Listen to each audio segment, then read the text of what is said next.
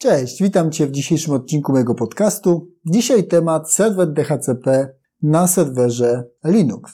Plusy i minusy. W ogóle, jeżeli chodzi o stosowanie serwera DHCP, to zalecane jest stosowanie centralnego serwera.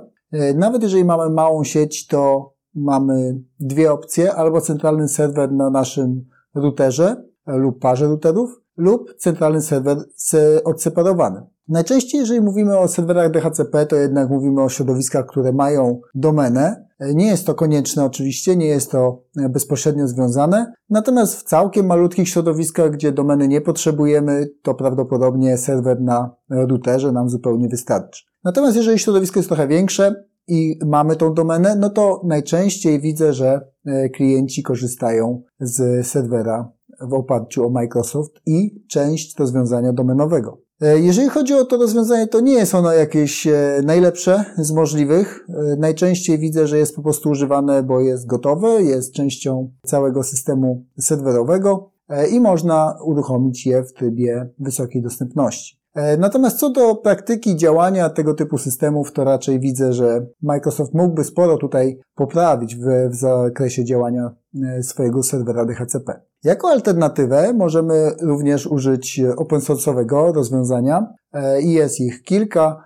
E, jeżeli e, mówimy o takim najpopularniejszym, to jest ono dostępne w ramach pakietu między innymi serwera Ubuntu, ale możesz uruchomić na dowolnym serwerze Linuxowym, jakie, jaki posiadasz. Ważne z punktu widzenia funkcjonalnego jest to, czy chcesz mieć E, replikację informacji o przypisaniach, czyli jak mamy jeden serwer DHCP, no to tutaj sprawa jest jasna i oczywista. On ma e, swoją tablicę mapowań, jakie adresy rozdał jakim hostom. Natomiast jeżeli chcemy zapewnić wysoką dostępność, no to dobrze by było, żeby był drugi serwer DHCP i żeby ta informacja była replikowana. Czyli jeżeli nam zostanie wyłączony, uszkodzony serwer pierwszy, to ten drugi serwer będzie wiedział, na jakie, jakie adresy zostały przydzielone. Czy to jest konieczne, czy to jest niezbędne?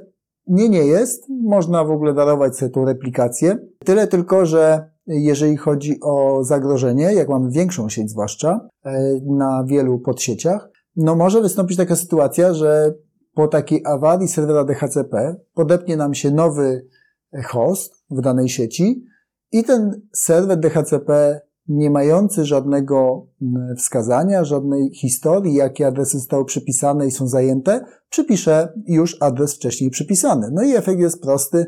Mamy konflikt adresacji IP w danej podsieci. Oczywiście scenariusz y, jest taki, że rzadko raczej, jeżeli w ogóle się zdarza taka awaria, to raczej rzadko. Y, więc pytanie, jak duże ryzyko jest pojawienia się takiej korelacji y, pomiędzy zdarzeniem wyłączenia serwera podstawowego DHCP, a przypisaniem tego samego adresu IP dla hosta. Jest to również skorelowane z czasem dzierżawy, czyli mamy możliwość na każdym serwerze DHCP, no przynajmniej bardziej zaawansowanym, możliwość e, skonfigurowania na jak długi okres przyznajemy adres IP.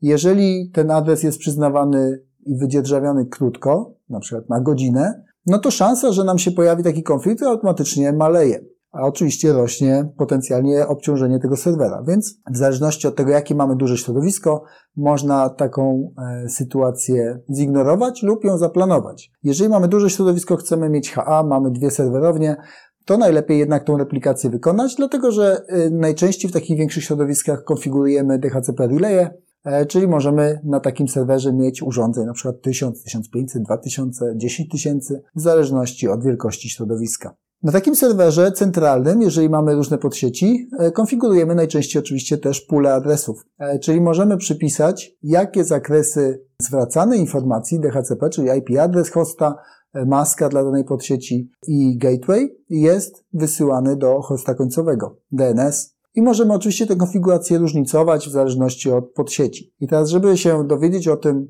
z jakiej podsieci przychodzi zapytanie, ponieważ domyślnie zapytanie z podsieci e, L2 przychodzi broadcastem, no ale jak mamy centralny serwer, to nie może nam broadcastem przychodzić wszystko, więc najczęściej jest e, ten broadcast zamieniany przez DHCP Relaya na unicast i wysyłany do naszego serwera centralnego. A ten serwer centralny, wiedząc już z jakiej sieci pochodzi zapytanie, jest w stanie nam przypisać odpowiedni adres IP z puli, który jest powiązany z daną podsiecią. Czyli mamy możliwość jednocześnie centralizowania informacji o adresacji, utrzymując e, skalowalność e, całego rozwiązania i centralną informację o tym, e, co gdzie jest przypięte. Jeżeli chciałbyś zobaczyć, jak konfiguruje się taki przykładowy serwer, to w najbliższym poniedziałkowym odcinku będziesz miał okazję zobaczyć taką konfigurację. Jeżeli będziesz miał do tego jakieś pytania, to oczywiście pisz w komentarzu.